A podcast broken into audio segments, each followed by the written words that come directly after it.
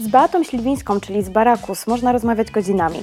W czasie tych 40 minut podcastu poruszamy tematy związane z początkami pracy Beaty jako visual designera. Rozmawiamy o jej współpracy z komercyjnymi klientami oraz o tym, czy Instagram pełni dzisiaj rolę artystycznego portfolio. Jednak przede wszystkim jest to rozmowa o autentyczności, o tym, że każdy z nas wątpi czasem w swoje umiejętności oraz o tym, że to, co widzimy na obrazku, ma ze sobą głębszą historię. Na tę rozmowę zapraszam Was wyjątkowo mocno. Cześć, z tej strony Malwa. Dzisiaj nadajemy z Warszawy i jest ze mną e, gość super specjalny, czyli Beata Śliwińska, czyli Barakus. nie mogłam się powstrzymać. E, Beata czy Barakus? Jak do Ciebie mówić dzisiaj? E, wiesz co, możesz mówić do mnie Beata po prostu. Beata. Albo Bea, ponieważ do mnie mówią e, bardzo często w skróconej formie. Dobra, Bea. Fajnie, bardzo mi się to podoba. E, dobra, Bea, no cóż, y, myślę, że nie, nie, trzeba Cię przedstawiać, ale gdyby trzeba było, to oczywiście zostawiam to Tobie, tutaj tradycja już taka naszego podcastu Preta Create. Ja umywam ręce. E, dwa, trzy zdania o sobie e, dla naszych słuchaczy. Mm, bardzo trudne zadanie. Witam serdecznie. Wydaje mi się, że jeżeli mam użyć dwóch zdań, a już zużyłam jedno, to powiem krótko, że jestem projektantem graficznym, visual designerką, trochę kreatorką. I to chyba wszystko. Mhm. E, ja dopowiem dla tych, którzy nie są w temacie, a być powinni, a jeżeli nie są, to naprawdę bardzo polecam od razu e, w trakcie słuchania podcastu zajrzeć sobie na Instagrama para Barakus, e, czyli kolaż ilustracja. Chyba to są takie główne Twoje dziedziny twórczości. Wydaje mi się, że to jest to projektowanie graficzne z takim mocnym podłożem kolażowym. Ja nazywam to osobiście fotomanipulacją, bo wow. często to jest po prostu. Kolaż jest bardzo płytkim określeniem dla tego, co, czym się zajmuję. Więc ten, ten, ta manipulacja fotografią jest chyba bardziej słusznym określeniem, mimo że wdzięcznie nie brzmi. Mm -hmm. Więc mhm. możemy mówić, określić to jako kolaż art. Mhm. E, dokładnie. I visual designer, czyli po polsku to byłby e, projektant sztuk wizualnych. Tak. I to brzmi jakbyś tak. robiła doktorat z tego. Bardzo poważnie, mm. nie? Nie ma chyba dobrego odpowiednika do Nie ma właśnie, designera. nie ma. Kiedyś o tym myślałam, że możesz się nazwać visual artist, ale to jest takie wysoko, wysoko brzmiące. E, zresztą chyba trzeba o tym powiedzieć, że kategoryzowanie siebie, nazywanie się jakimiś mm, stopniami jest totalnie bez sensu, bo trochę ja przynajmniej wierzę w taką, e, taki sposób pracy, że, że jest to jakiś, jakaś etapowość i jeżeli teraz zajmuję się to, taką dziedziną, to mogę być za kilka lat zupełnie kimś innym, mimo, mimo tego, że jestem wciąż w branży kreatywnej. Więc jak gdyby zamykanie się w takich skonkretyzowanych ramach nazw swoich stanowisk mm, jest trochę chyba mylne, bo sami sobie dajemy ograniczenia. Mhm. Które nie są dobre w tej branży. Nie, chyba prawda? nie są. Właśnie chodzi o to, żeby wychodzić chyba z tych wszystkich szufladek. E, zacznę tak dosyć przewrotnie, bo jedno pytanie od naszych słuchaczy brzmiało, e, jak to jest być taką zajebistą? Takie pytanie padło? Tak, to jest autentyk, pokażę Ci potem. Specjalnie Ci nie powiedziałam wcześniej, żeby to była spontaniczna reakcja. To powiedz mi, Bea, jak to jest być taką zajebistą? Ja nie wiem, czy ja umiem odpowiedzieć na takie pytanie, bo ja się wcale nie uważam za jakąś zajebistą. W ogóle ja nie wiem, nie wiem kto zadał to pytanie, ale e, jest ono bardzo trudne i dziękuję. dziękuję, że pierwsze pytanie jest takie trudne. Mm. Nie, ma, nie, masz poczucia takiego, że. Bo wiesz, z naszej perspektywy, czyli osób, które na ciebie patrzą, osiągnęłaś naprawdę bardzo dużo. E, przypuszczam, że jeszcze więcej jest przed tobą. Teraz chyba jest taki top topów twojej e, zawodowej kariery, powiedzmy tak. Ja po prostu, e, może to jest też jakaś odpowiedź na to pytanie. ja oprócz tego, że jestem w życiu, podchodzę do pracy za, zawodowo, w sensie pod, każde zadanie jest dla mnie właśnie zadaniem. E, jest to pewne, wykonanie pewnego od A do Z jakiegoś projektu. Mm, I bardzo często przeklikuję się między projekt i zostawiam to, co zrobiłam i co dopiero dociera do ludzi. Ja już jestem zupełnie w czymś nowym. Mhm. Ja trochę nie, nie siedzę w tym etapie, kiedy projekt zaczyna na przykład żyć dla mnie bardzo istotną e, częścią pracy jest to procesowość, czyli moment, kiedy dostaję informację, że nad czymś pracuję I sama praca nad tym, poszukiwanie jakiegoś pomysłu na, na, na ten projekt, na jakieś większe, większe działanie i jakieś tam jakaś finalizacja, natomiast nigdy nie. Oczywiście, jakby ogromną dla mnie też wartością jest to, że ten, chcę dowieść coś, co jest bardzo e, wartościowe, bo może to faktycznie jest ten ulepek różnych cech w człowieku, które powodują, że, że coś wychodzi, bo to nie jest tak, że. Um, oczywiście uważam, że talent jest potrzebny, ale bardzo, bardzo też e, chłubię y, jakiemuś stylowi. Y, pracy i w ogóle kultowi pracy. Ja jestem osobą bardzo zapracowaną w życiu. Mhm. Ja po prostu lubię pracować i chyba to widać. Mm, I uważam, że pracowitość i jakieś takie zaangażowanie też emocjonalne e, bardzo potrzebne jest tej pracy. A jeżeli mam odpowiedzieć wprost, dlaczego jestem zajebista, czego chyba w sumie nie, nie za bardzo uważam o sobie, to jest chyba też taki wynik to, że ludzie tak mnie odbierają, że ja sama mam masę y, mm, wątpliwości wobec siebie jako osoby, wobec siebie jako projektantki również, ale chyba wobec osoby bardziej. I, e, i też jakoś tak nie, chyba też nie udaje, że u mnie jest jakoś fantastycznie. Jesteś bardzo autentyczna właśnie i to widać no, głównie na Instagramie, o, o którym sobie dzisiaj porozmawiamy. Natomiast rzeczywiście pomiędzy Twoimi pracami są też zdjęcia Twoje, z krótkim podpisem czasem, ale widać, że to jest autentyczne. Właśnie tam nie ma takiego, hej kochani, dzisiaj nadaję stąd i stąd, będę rysować sobie takie różne rzeczy. Mhm. Y, jest to bardzo autentyczne i właśnie bez takiej pompy sztucznej, tak, o której e, sobie też trochę wcześniej porozmawiałyśmy. Więc myślę, jeśli ja mogę Ci pomóc, myślę, że to na pewno składa się na tą zajebistość rzeczywiście. Oprócz tego talentu i chyba tej ciężkiej pracy, o której mówisz, bo dużo pracujesz bardzo dużo pracuję, aczkolwiek jest teraz e, luty 2020 roku i ja sobie wyszłam z takim założeniem, że będę w tym roku mniej pracować. A mhm. co z tego wyjdzie, zobaczymy. No jak Jestem na etapie, że jestem świeżo po urlopie, więc na razie idzie mi świetnie. Okay, to powiedz mi, wróćmy tak jakby do początków. E, czyli zanim tak jakby znalazłaś się w tym punkcie, w którym jesteś teraz, e, gdzie możemy mówić na pewno, może zamieńmy to na sukces jakiś, bo naprawdę myślę, że tutaj możemy mówić w takich kategoriach. E, jak to się zaczynało? Czyli gdzie zaczynałaś?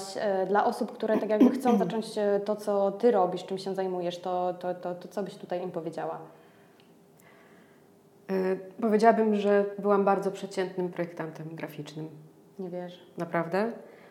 Yy, Ale ktoś Ci powiedział, że jesteś przeciętnym, czy Ty tak yy, Myślę, że byłam w szarej masie projektanckiej. Ja nie wiem, czy to dobrze wybrzmiewa, ale naprawdę po prostu wykonywałam swoją pracę, chodziłam do niej, pracowałam na etat w jednym, w drugim, w trzecim miejscu.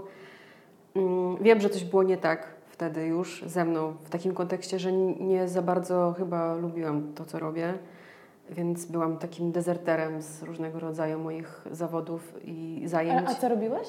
Mm, chwilowo po studiach pracowałam w pracowni architektonicznej, ale to był e, krótki epizod. E, ja już wtedy mm, mocno skręciłam mm, graficznie i wizualnie. Więc też z tego miejsca się tak elegancko wymiksowałam. Mhm. Mimo, że praca była dosyć wdzięczna. Bo jesteś po architekturze krajobrazu. Tak, tak. ja właściwie skończyłam mhm. dyplom e, i zaraz od razu poszłam do pracy, do pracowni. Mhm. No to było takie mocne zderzenie, zresztą sama teraz spotkałam kilka osób, które skończyły uczelnie wyższe i trochę nie wiedzą, co ze sobą zrobić i jest to e, duży problem e, takich osób i też trochę widziałam po tych spotkaniach z tymi osobami, widziałam też siebie w tym. I też mniej więcej co czułam w takim okresie. Teoretycznie masz 25 lat wtedy, tak myślę, że wtedy miałam 25 i myślisz sobie, ok, wiek, wiekowo jest to dosyć dojrzała ilość wieku, ilość lat, ale też mogę powiedzieć, że to było niedawno, bo to było lat temu 7 ale jakby samoświadomość tego, co się robi, co się chce robić, jest totalnie, przynajmniej w moim wypadku, była totalnie żadna. Więc tak się po prostu e, bujałam po różnych zajęciach. E, mieszkałam w Warszawie. Mm. E, więc ta droga nie była taka, że ja nagle się pojawiłam i nagle mogłam sobie na przykład przebierać w jakichś zleceniach albo wybierać klientów, bo to na pewno nie tak nie wygląda. Mm, e, jest to droga na pewno okupiona e, wieloma mm, wyrzeczeniami. Tak, na pewno też taką pracą u podstaw, yy, też samemu ze sobą i takiego trochę dojrzewaniu w to, że to, co robisz, może być fajne, może się komuś spodobać, bo ja nie od razu zaczęłam robić kolaże czy, czy mhm. zajmować się tego typu rzeczami, które w życiu robię. I też ten kształtowanie mojego stylu też nie przyszło od razu, bo tak jak powiedziałam na samym początku, byłam po prostu grafik designerem w agencji reklamowej. I ja mam wrażenie, że te wszystkie doświadczenia, y, zarówno z uczelni, z, ze szkoły wyższej mm, i z pracy zawodowej, która jakby nie patrzeć, też uczyła mnie warsztatu. Może nie było to szczególnie artystyczne podejście, ale od strony technicznej bardzo dużo się y, nauczyłam też sama ze sobą, bo tak jak już wcześniej powiedzieliśmy, ja po prostu y, polubiłam ten rodzaj pracy i sobie sobie z tym bardzo ze sobą, jakby to było się bardzo kleiło ze mną i ja często poświęcałam wieczory na jakieś e, projekty dla siebie. no ale przy taki moment graniczny, kiedy faktycznie mm, i też chyba głowa nie wytrzymała i, i, i też ciało zaczęło odmawiać posłuszeństwa, bo mm, mało kto wie, ale ja po prostu miałam y, strasznie nieciekawą sytuację zdrowotną w trakcie y, jakiejś tam mojej przeprawy zawodowej i zostałam wyłączona z pracy zawodowej, jakiejkolwiek właściwie aktywności na ponad pół roku. I to był taki okres trochę weryfikacji, czy, że ja w ogóle chcę to robić, co robię. Mhm. E, właściwie teraz wtedy dopiero się pojawiła przestrzeń na to, żeby robić coś dla siebie, a nie ciągle dla kogoś i ciągle do pracy. Mm, że praca też nie jest e, takim kluczem do do szczęścia mhm, jakiegokolwiek. takie przewartościowanie w ogóle. Tak, rzeczy. tak. Właściwie to mm, organizm szybciej mi zaalarmował niż głowa, do głowy to dotarło. Jakby, hmm. jakby niesamowite jest to, my tego nie wiemy, ja to już trochę wiem z, z, jakby z przeżyć, ale jak bardzo jesteśmy psychosomatycznie po prostu posklejani wewnętrznie i jak organizm może Tobie powiedzieć stop, stop, stop, stop, teraz, yy, teraz musisz pomyśleć o sobie, a nie o tym, że jesteś zestresowana, bo nie dowozisz czegoś na czas e, komuś. E, więc e, to był taki okres dla mnie turbo zwolnienia. Ja byłam w ogóle miesiąc w szpitalu wtedy i przybywałam w tym szpitalu właściwie sama ze sobą, bo to był szpital rehabilitacyjny. I postanowiłam, że będę w tym czasie pisać bloga fotobloga właściwie. Ostatnio dotarłam w ogóle tych zapisków i strasznie się z siebie śmiałam. To było Gdzie 2000... można dotrzeć?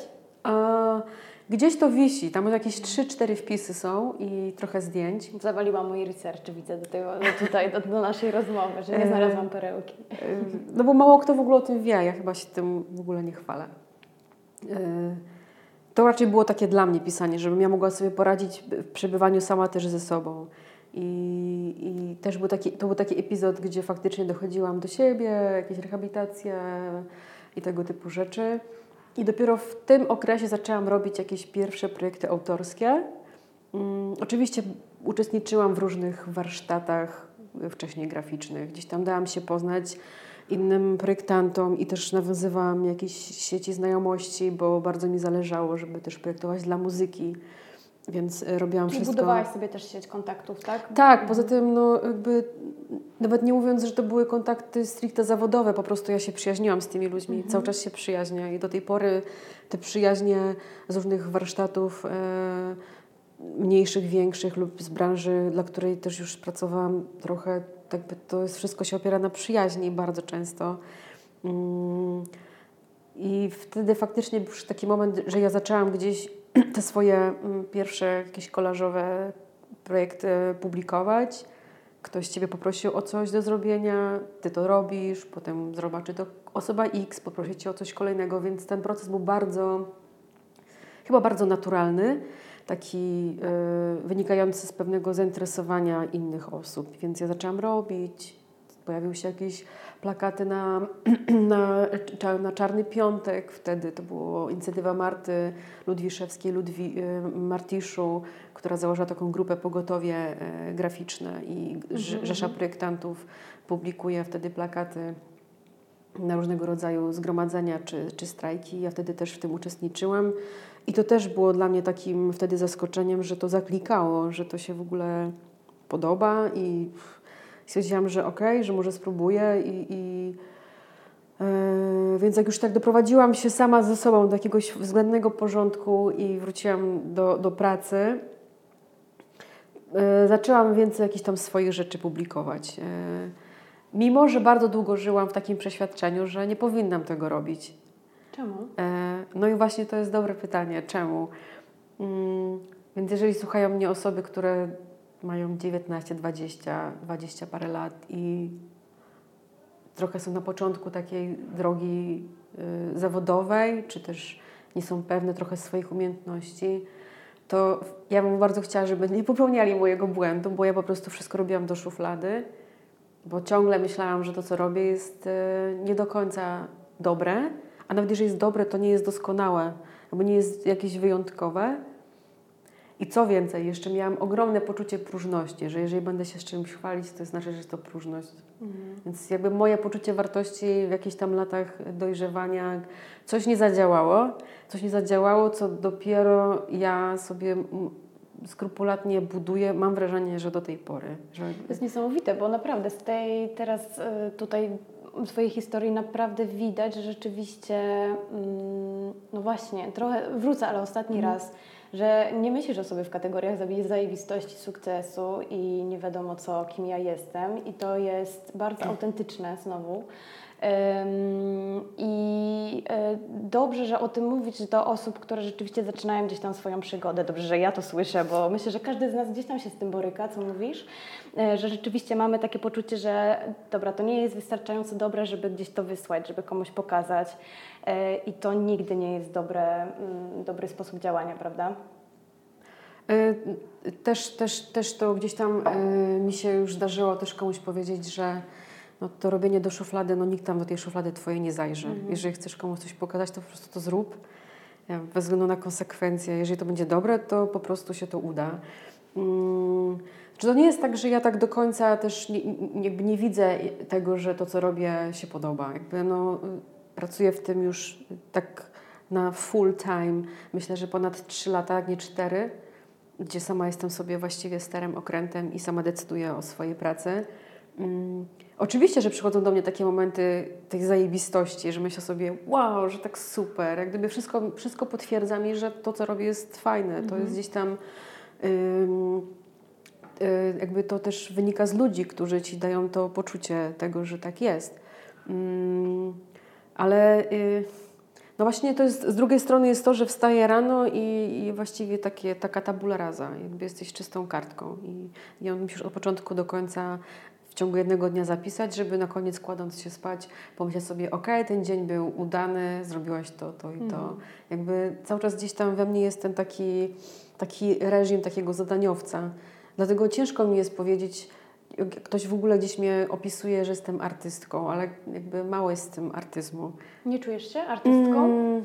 Nie wyobrażasz sobie swoich prac e, w jakimś współczesnym, e, w Muzeum Sztuki Współczesnej? Wiesz co, na ten moment chyba nie.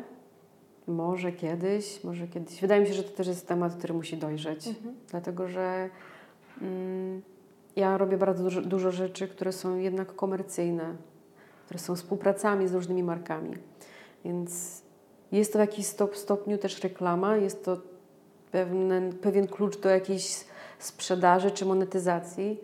Mam tego świadomość, ale też mam taką ogromną siłę mm, wiary w to, że, że można nie wiem, w jakiś bardziej właśnie ten artystyczny sposób coś pokazać, żeby mm. to nie było takim, takim hamskim odzwierciedleniem e, jakiejś reklam. Można zrobić to w zupełnie ciekawy sposób, mm. tak żeby zachwycić kogoś nie produktem, ale na przykład właśnie jakimś kwestią wizualną, więc może bardziej w to wierzę. A możesz e, zdradzić na przykład e, ogólnie, jak wyglądają tutaj współprace z Twoimi klientami? To czy zazwyczaj jest tak, że zostawiają Ci duże pole tutaj swobody, czyli że ufają Ci, znają Twój styl, wiedzą w co wejdziesz, a w co nie wejdziesz? Czy rzeczywiście takie współprace komercyjne też myślę dla osób, które myślą o tej formie zarobku, czy to jest jednak taki y, trudna, trudna sprawa do No to nie jest łatwe, to nie jest łatwe i też chyba warto o tym powiedzieć, bo mm, y, faktycznie jest tak, jeżeli ktoś gdzieś obserwuje moją twórczość, to widzi ten efekt finalny. I może powiedzieć sobie wprost, podoba mi się, nie podoba mi się. Natomiast to, ile, jaka droga przed tym się, w, w, w, jaką, jaką drogę przebył projekt albo ludzie, którzy za, za nim stoją, to jest rzecz, której nie ma. Ona jest niewidoczna. My tam nie pokazujemy tej procesowości. E, ale ten, ten, to nie jest tak, że ktoś do mnie przychodzi i mówi rób, rób wszystko po swojemu. Jakby ja też jestem jakby częścią pewnych procesów, e, pewnych akceptacji. Niejednokrotnie są to akceptacje wielopoziomowe, bo dużo osób za coś odpowiada. E, ale oczywiście są też takie projekty, które chyba najbardziej lubię, kiedy to klient do ciebie przychodzi i kładzie na biurku Twoje prace i mówi: jak chcę, żeby coś wyglądało w tym stylu. Mhm. I to jest najwspanialszy rodzaj współpracy, jaką można sobie tylko wymarzyć. I zdarzyła mi się taka współpraca i to był projekt dla Spotify w ubiegłym roku. I, ten, i ten, ten, ten nasza cała współpraca właściwie to przebiegła jak tak, tak po masełku. Więc y, ja bym sobie tylko życzyła takich klientów, ale to nie jest tak, że te projekty po prostu przychodzą i że ludzie mówią, dobra, zrób coś po swojemu i będzie to mhm. ok. Jakby... Trzeba się też dostosować. E, trzeba e, nawet nie dostosować, bo dostosowanie to jest trochę przegrana. E, I wydaje mi się, że w mojej pracy i w też umiejętności miękkie, jakich używam, tudzież twarde, czyli różnego rodzaju negocjacje, są bardzo potrzebne w tym zawodzie, bo to, co sobie jesteś w stanie ugadać, to jest połowa sukcesu pracy. Naprawdę moja praca to jest, naprawdę dzieje się na takie małe etapy, gdzie ja naprawdę połowy swoich projektów, które wyglądają tak, a nie inaczej, nie może by tak nie wyglądały, gdyby nie moja jakby werbalizacja projektu, albo powiedzenie, że to będzie dobre, bo i wymieniam, albo to zrobiłam w ten sposób, bo to, albo jakby to, ten, ta wewnętrzna sprzedaż projektu jest bardzo istotna. To nie jest tak, że ja podrzucam projekt i on już płynie i wszystko jest fantastycznie. Jakby tych... Mm, to jest trudne w tym zawodzie i ja wiem, że nie każdy ma też tą umiejętność podziału e, ról, bo ja gdzieś, gdzieś też. Mm, ja się trochę tego boję, bo to jest trochę taki dualizm y, y, swojego, nie wiem, nie chcę nazwać tego schizofrenią, ale to jest taki podział ról. Y, idziesz na spotkanie i, i, i, jesteś tą konkretną osobą, i która raz, że negocjuje stawki, czyta umowy, zmienia umowę, konsultuje się z prawnikiem, chodzi na kolejne spotkanie, broni projektu i tak dalej, a potem się przyłączasz na, na projektanta, na te umiejętności totalnie miękkie i te, które mm, jakby wyłuskują najlepsze rzeczy z Twojej wrażliwości, więc y, ja wiem, że nie każdy właśnie potrafi sobie to tak podzielić. Y, ja to robię, ale to nie znaczy, że ja to bardzo lubię. Raczej to jest coś, co mocno Cię strawi bo są takie dni, kiedy ja po prostu w ogóle nie zajmuję się projektowaniem, a pracuję. Moją pracą jest właśnie chodzenie na spotkania i,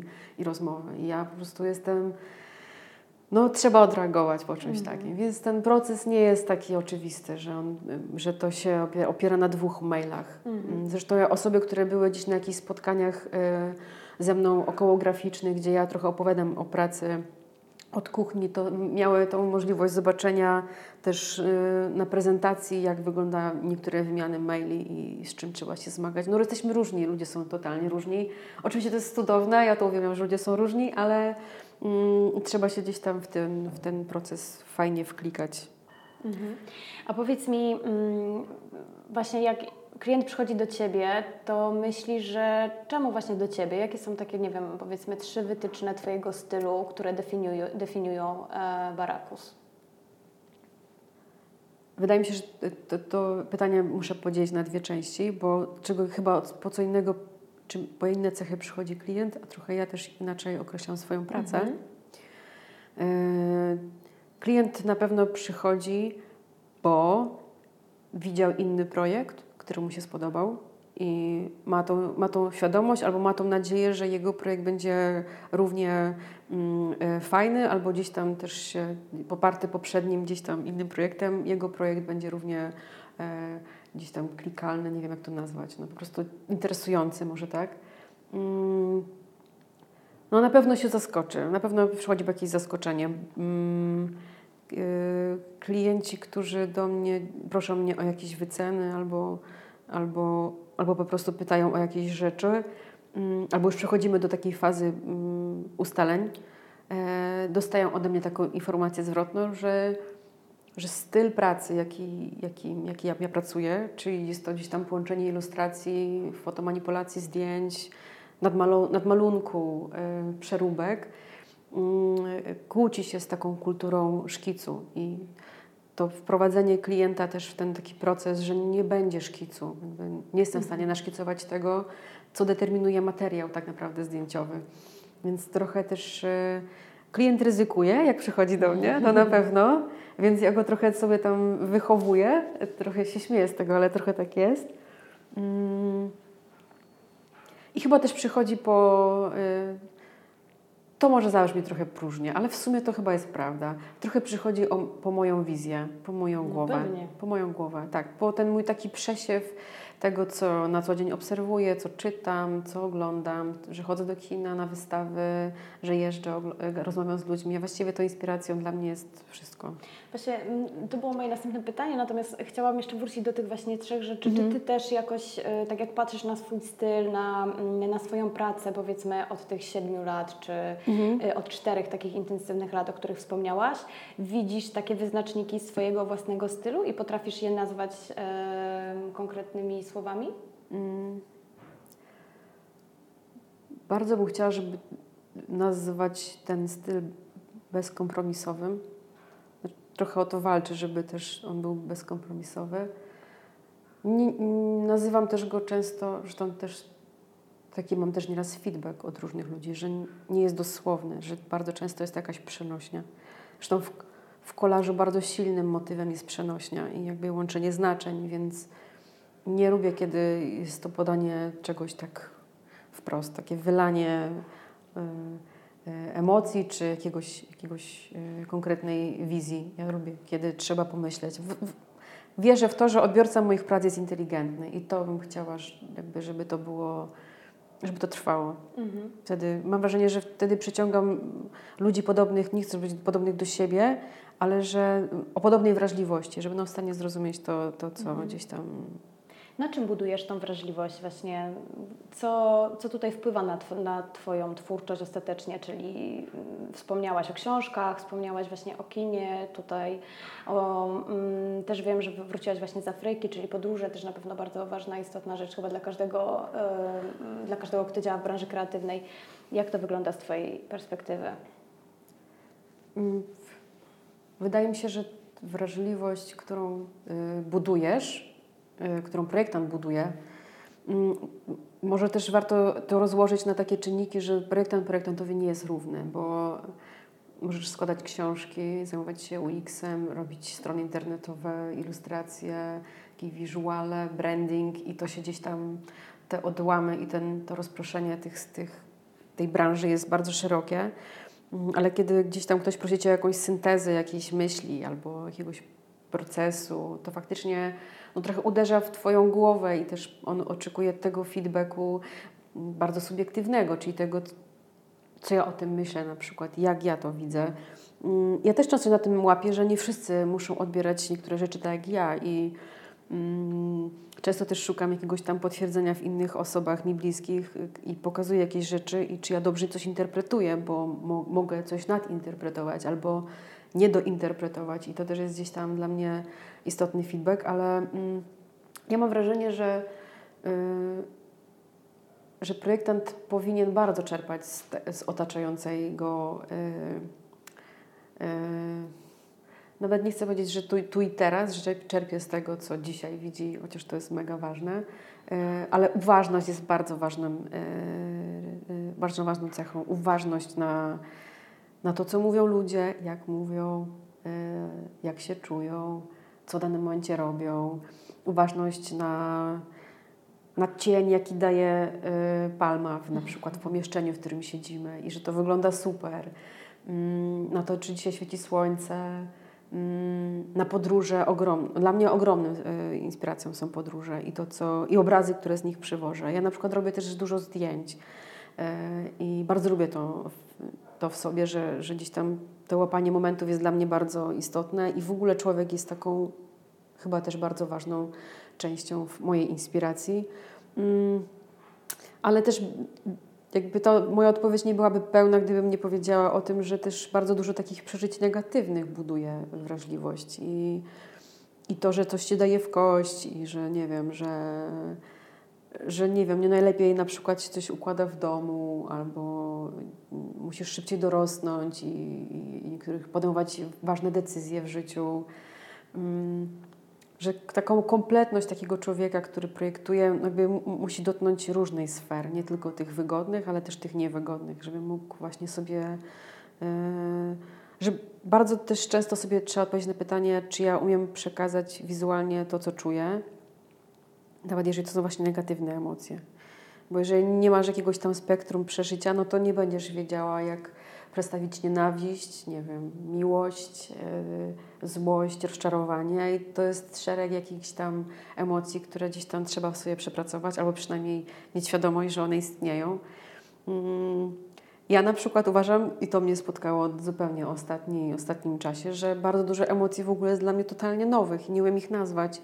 I też się nad tym zastanawiam, co, jak to rozpracować i jak właśnie zacząć nazywać niektóre emocje, więc to jest ciągły proces. Mm, więc ta inspiracja jest tak naprawdę we wszystkim, w przeżyciach. W takich, jeżeli chodzi o takie twarde y, elementy, to faktycznie wydaje mi się, że trzeba bardzo dużo rzeczy oglądać, y, inspirować się obrazem, dźwiękiem. Muzyka jest niesamowicie inspirująca, moim zdaniem. Właściwie muzyka mnie bardzo inspiruje do, do pracy, w pracy. Masz jakąś konkretną muzykę, która Cię inspiruje, czy wszystkiego? Po prostu właśnie szukasz jak najwięcej e, gatunków muzycznych? Żeby no, ja właściwie bardzo lubię mu nową muzykę elektroniczną, czy, czy jakieś takie alternatywne kwestie, ale bardzo dużo, dużo słucham jazzu, mm, muzyki klasycznej, bardzo dużo słucham, tak. Jakby muzyka klasyczna jest mi bardzo bliska. Staram się być na bieżąco, jeżeli chodzi o jakieś, jakieś muzyczne nowości z e, elektroniki.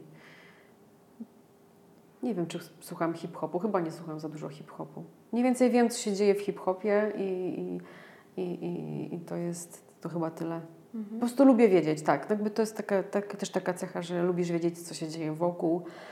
Bardzo ważne też jest y, też mieć posiadanie tej świadomości, co się dzieje w danym kraju, w Twoim kraju, jakie są nastroje polityczne, to jak to oddziałuje na ludzi. Więc to są takie kwestie właśnie tej uważności, o której powiedziałam na początku. Tak mi się wydaje. Mhm.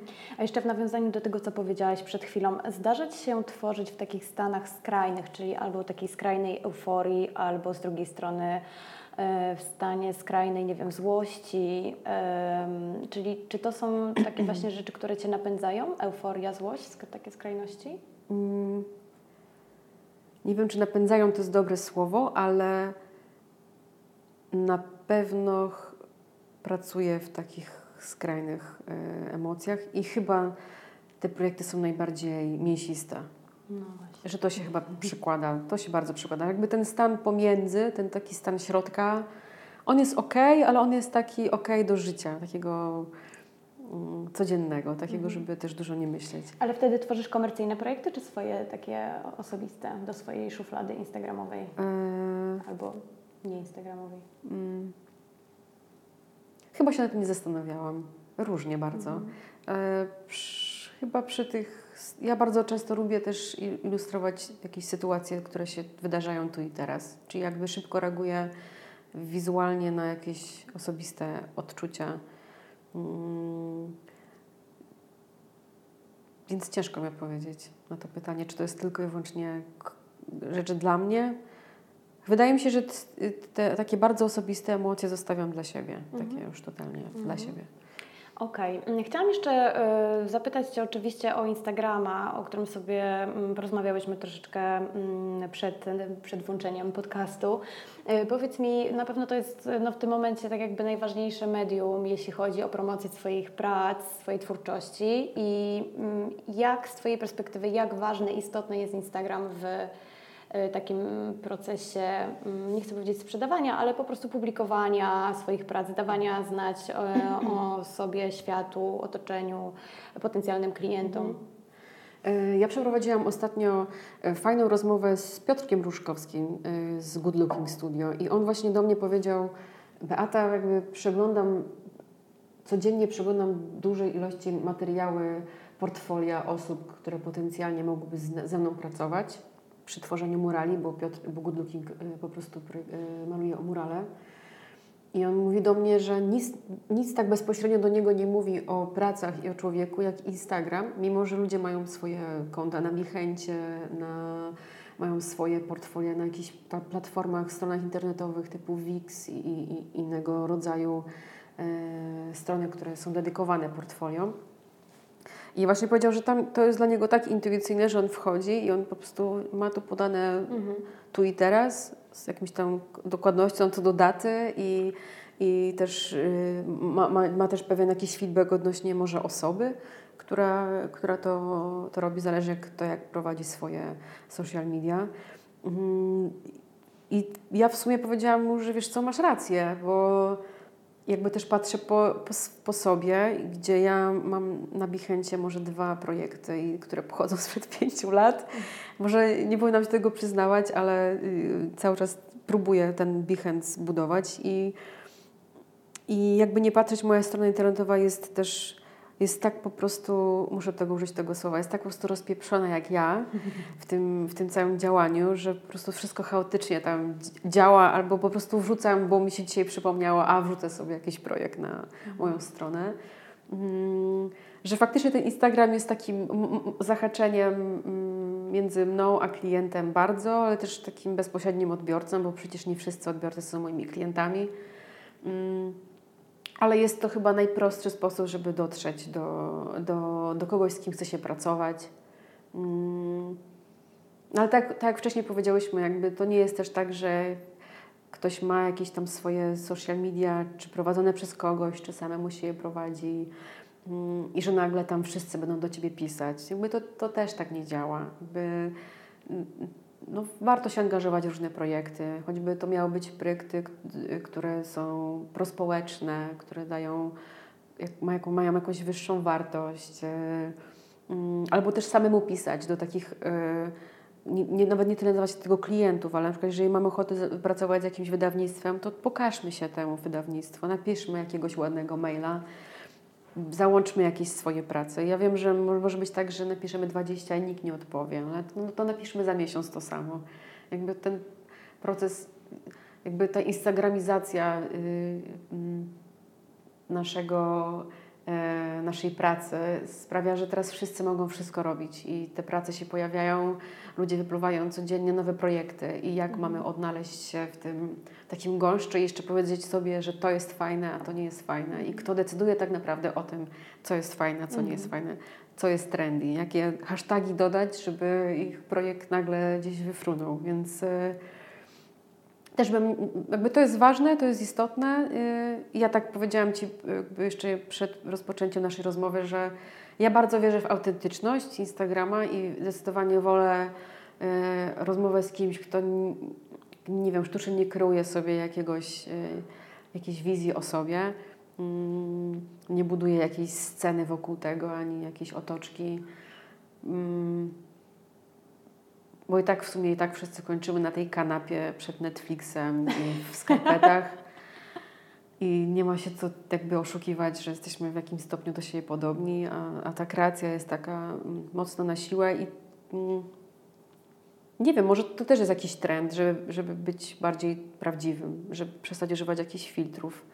Mm, właśnie w erze, kiedy tych filtrów jest coraz więcej i, i, i, i ten, ten, ten motyw już takiej wirtualnej rzeczywistości i nakładania filtrów na wideo czy Insta Stories, gdzie możemy tam już po prostu cuda działać. I ja staram się minimalnie po prostu korzystać z tych rzeczy. Jakby Mhm. wolę coś podpisać trzema zdaniami zwykłym, jak gdzieś tam podpisem, bo po prostu mam, mam prosty komunikat do przekazania, nie potrzebuję do tego otoczki.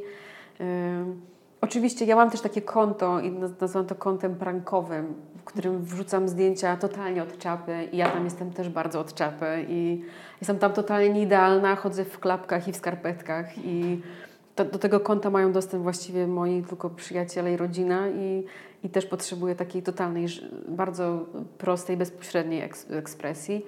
Mm.